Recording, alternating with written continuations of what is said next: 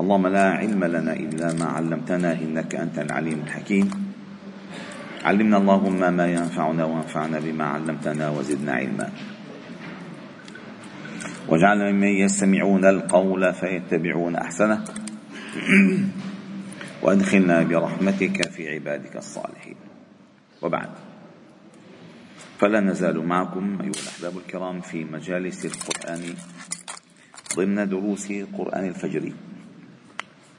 وقد وصلنا إلى قوله تعالى في سورة النساء يا أيها الذين أوتوا الكتاب آمنوا بما نزلنا مصدقا لما معكم من قبل أن نطمس وجوها فنردها على أدبارها أو نلعنهم كما لعنا أصحاب السبت وكان أمر الله مفعولا. وتدرسنا معا أن هذه الآية الكريمة هي خطاب لأهل الكتاب عامة ولليهود خاصة. إذ أن المعلومات التي يملكها اليهود عن النبي صلى الله عليه وسلم لا يملكها أحد قبل بعثته إلا هم وهم يعرفونه كما يعرفون أبناءهم. وما انتقلوا من البلاد التي حول الجزيرة العربية للسكنى حول المدينة إلا لعلمهم أن النبي سيبعث في آخر الزمان في هذه البقعة بالذات من هذه الأرض. فعندما لم يبعث لم يبعث النبي منهم انقلب الانتظار إلى عداوة وحسد وكيد ومكر. وبدأت العداوة إلى يومنا هذا. لنجدن أشد الناس عداوة للذين آمنوا اليهود والذين أشركوا. فإذا هذه الآية آية تهديدية وعيدية. والفرق بين الوعد والوعيد أن الوعد يكون بالخير. وعد الله الذين آمنوا منكم وعملوا الصالحات. أما الوعيد هو وعيد بالعقاب. لذلك الله تعالى في هذه الآية توعد أهل الكتاب بمن يعلمون. فقال يا أيها الذين أوتوا الكتاب آمنوا بما نزلنا مصدقا لما معكم. ما أنتم معكم خبر. من قبل هنا بدأ الوعيد. من قبل أن نطمس وجوها فنردها على أدبارها. وطمس الوجوه أيها الأحباب الكرام له معان كثيرة لا نريد أن أخوض في معانيها ولكن تحمل معنى الطمس. الحقيقي والطمس المعنوي. يعني بمعنى آخر. يعني لك بقولوا هذا مطمس على وجهه. مطمس عليك أنت مطمس طيب. يعني الطمس الحقيقي أن تذهب ملامح أعضاء وجهه من وجهه. فيصبح وجهه كقفاه. هذا الطمس الحقيقي. والطمس المعنوي أن يعيش في الدنيا وكأنه مطموس عليه وكأن ليس في وجهه عينين يرى بهما أو أذنين يسمع بهما أو فما ولسانا ينطق به فكأنه مطموس على وجهه كأنه لا يرى كأنه يرى الأمور بالخلف. وكلا المعنيين جائزان يا شيخ سيدي. كلا المعنيين لأن القرآن دائما ألفاظه تحمل الحقائق وفي طياتها تحمل المجاز. ولا أحد أصاب عندما نفى المجاز عن القرآن. وإذا نفى المجاز عن القرآن فكأنما يعني خفف من إعجازه بالنسبة لتحديه للغة العربية في قومهم. والمجاز معروف في القرآن. وأغلب وأغلب أشعار العرب مجاز. أغلب. أشعار العرب مجاز. فإذا قال من قبل أن نطمس وجوها نردها على أدبارها بيعيش بالخلف بيعيش بالقلب مطموس. بيقول لك الله طمس عليك. مضبوط هيك؟ بعيد من وجهي. أو نلعنهم. كما لعنا أصحاب السبت. وقلت لكم باختصار قصة أصحاب السبت أن هؤلاء الملعونون عن هؤلاء الملعونين هؤلاء أيها الأحباب الكرام احتالوا على الدين يعني جعلوا الدين عندهم آه، مثل مثل المغيطة بمطوا بمطوا لنا بدهم وبشدوا لنا بدهم يؤمنون ببعض ويكفرون ببعض. يكن لهم الحق يأتوا إليه مذعنين. وإن كان عليهم الحق ولوا عنه مدبرين. هذا منه دين. هذا ليس دينا. الدين إن أنت دين أن تستسلم أن تسمع أن تطيع. ولو أنهم قالوا سمعنا وأطعنا واسمع وانظرنا لكان خيرا لهم وأقوم. إذا هذا المطلوب من المؤمنين أن نقول سمعنا وأطعنا واسمع وانظرنا. إذا هذه المسألة هي الأساس. فقال كما أو نلعنهم كما لعنا أصحاب السبت. وكان أمر الله مفعولا. ثم أتت آية محكمة قاعدة ذهبية في كتاب الله تعالى. إن الله لا يغفر أن يشرك به. ويغفر ما دون ذلك لمن يشاء. ومن يشرك بالله فقد افترى إثما عظيما. هلا قد يقول قائل هل الشرك هل الشرك شيء والكفر شيء آخر؟ إن هل النصارى واليهود مشركون أم كفار؟ سؤال وهذا السؤال دخل كثير ناس بأمور خطيرة في فهم العقائد. أجاب عن هذا الإشكال القرآن الكريم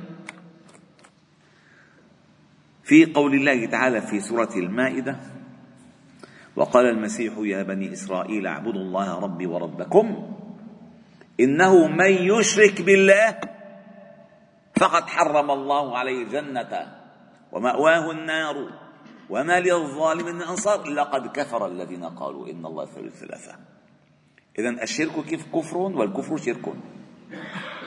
الشرك كفر والكفر شرك. فهمتوا؟ خلصت. قال وقال المسيح يا بني إسرائيل اعبدوا الله ربي وربكم. وقال إنه من يكفر بالله إنه من يشرك بالله. فقد حرم الله عليه الجنة ومأواه النار وما نار وما للظالمين من أنصار. لقد كفر الذين قالوا إن الله سلم وآية أخرى في سورة البينة. إن الذين كفروا من أهل الكتاب والمشركين في نار جهنم خالدين فيها أولئك هم شر البرية. إذا هذه قضية ينبغي أن تكون واضحة أن الله تعالى قال إن الله لا يغفر أن يشرك به. الشرك مانع مانع من دخول الجنة. موجب لدخول النار. وما سوى ذلك؟ قد يغفره الله لمن يشاء. وهذه الآيات أيها الأحباب الكرام لإحكامها وقوة معانيها ذكرها النبي صلى الله عليه وسلم في كثير من أحيانه أو من أحايينه عندما سئل عن أمور كثيرة. أولا لماذا نزلت هذه الآية؟ كيف نزلت؟ وأعيد وأكرر. أن سبب نزول واحد للآية لا يعني أنه مقتصر على هذه القصة. فقد يكون السبب يعم ولو كان في عهد التابعين. يصح أن تقول نزلت في مثل هذه الحادثة هذه الآية. هي لا تخص لا لا العبرة ليس بخصوص السبب بل بعموم اللفظ. فقال نزلت هذه الآية في وحشي بن حرب. قاتل حمزة وأصحابه الذين كانوا معه بالفرقة فرقة القتل. وذلك أنه لما قتل حمزة كان قد جعل له على قتله أن أن يعتق. إن أنت بتقتله تعتق. فلم يوفى له بذلك. إن ضحكوا عليه. كيف يضحكوا على العلماء؟ على العملاء الصغار. أنه أنت عمل معنا هيك والله بنطلعك لشيء كثير إيه يكونوا واعدين 300 واحد؟ لا لا لعنينا وحده هيك بصير. فلم يعتق فندم لأنه معقول هلا ابتلينا كنا بال... كنا بالعبودية للبشر صرنا بالخلود في النار. فقال فندم على ذلك. فكتبوا إلى النبي صلى الله عليه وسلم أن قد ندمنا على الذي صنعنا وأنه ليس يمنعنا عن الإسلام إلا أن سمعناك تقول وأنت بمكة والذين لا يدعون مع الله إلها آخر ولا يقتلون النفس التي حرم الله إلا بالحق ولا يزنون ومن يفعل ذلك يلقى أثاما يضاعف له العذاب يوم القيامة ويخلد فيه مهانا فقد دعونا مع الله إلها آخر. نحن محشي وصحبته فقد دعونا مع الله إلها آخر. وقتلنا النفس التي حرم الله وزنينا. فلولا هذه الآيات لاتبعناك. فلولا هذه الآيات لاتبعناك. فنزلت إلا من تاب وآمن وعمل عملا صالحا. فبعث به بها الآيات إلى إلى وحشي وأصحابه النبي صلى الله عليه وسلم فلما قرأوا كتبوا إليه إن هذا شرط جديد نخاف أن لا نعمل عملا صالحا. فنزل إن الله لا يغفر أن يشرك به ويغفر ما دون ذلك لمن يشاء. فبعث بهذه الآية إليهم فبعثوا إليه إنا نخاف أن لا نكون من أهل المشيئة. بركي ما مشي حال فنزلت قل يا عبادي الذين أسرفوا على أنفسهم لا تقنطوا من رحمة الله إن الله يغفر الذنوب جميعا. فبعث إليهم فدخلوا في الإسلام ورجعوا إلى النبي صلى الله عليه وسلم فقبل منهم. ثم قال لوحشي أخبرني كيف قتلت عمي حمزة؟ عم عمه سيد الشهداء قتلوا لشيء ما حصل عليه.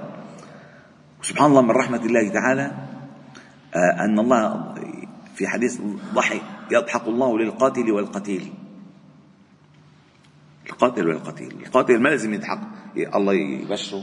بس تاب القاتل. فجلس مع القتيل وعم يشربوا شاي بالجنة. اثنيناتهم وحشي مات شهيدا. وحشي مات شهيدا في معركة اليمامة. و حمزة قتل شهيدا في معركة أحد. قتلوا وحشي فمات شهيدا وقتل وحشي فمات شهيدا والشهداء عند ربهم لهم أجرهم ونورهم فقال أخبرني كيف قتلت حمزة؟ فلما أخبره قال ويحك غيب وجهك عني فلا أراك. فلحق وحشي بالشام فكان بها إلى أن مات. ولكن على الإيمان. ولكن الجرم اللي عمله كبير. سبحان الله.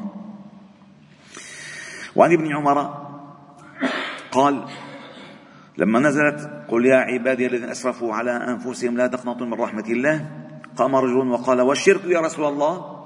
فسكت. ثم قال ثلاثا فنزلت إن الله لا يغفر أن يشرك به ويغفر ما دون ذلك لمن يشاء. وقال ابن عمر كذلك؟ قال كنا على عهد النبي صلى الله عليه وسلم إذا مات الرجل على كبيرة شهدنا أنه من أهل النار. حتى نزلت إن الله لا يغفر أن يشرك به ويغفر ما دون يشاء فأمسكنا عن الشهادات. وقال علي الله مرضى عنه إن هذه الآية أرجى آية في القرآن ويغفر ما دون ذلك ولو كانت كبير لمن يشاء. فاللهم اجعلنا من أهل مشيئتك واجعلنا من أهل إحسانك وأهل توفيقك والحمد لله رب العالمين. سبحان ربي بحمدك نشهد أن لا إله إلا أنت نستغفرك إليك صلي وسلم وبارك على محمد وعلى آله وأصحابه أجمعين والحمد لله رب العالمين.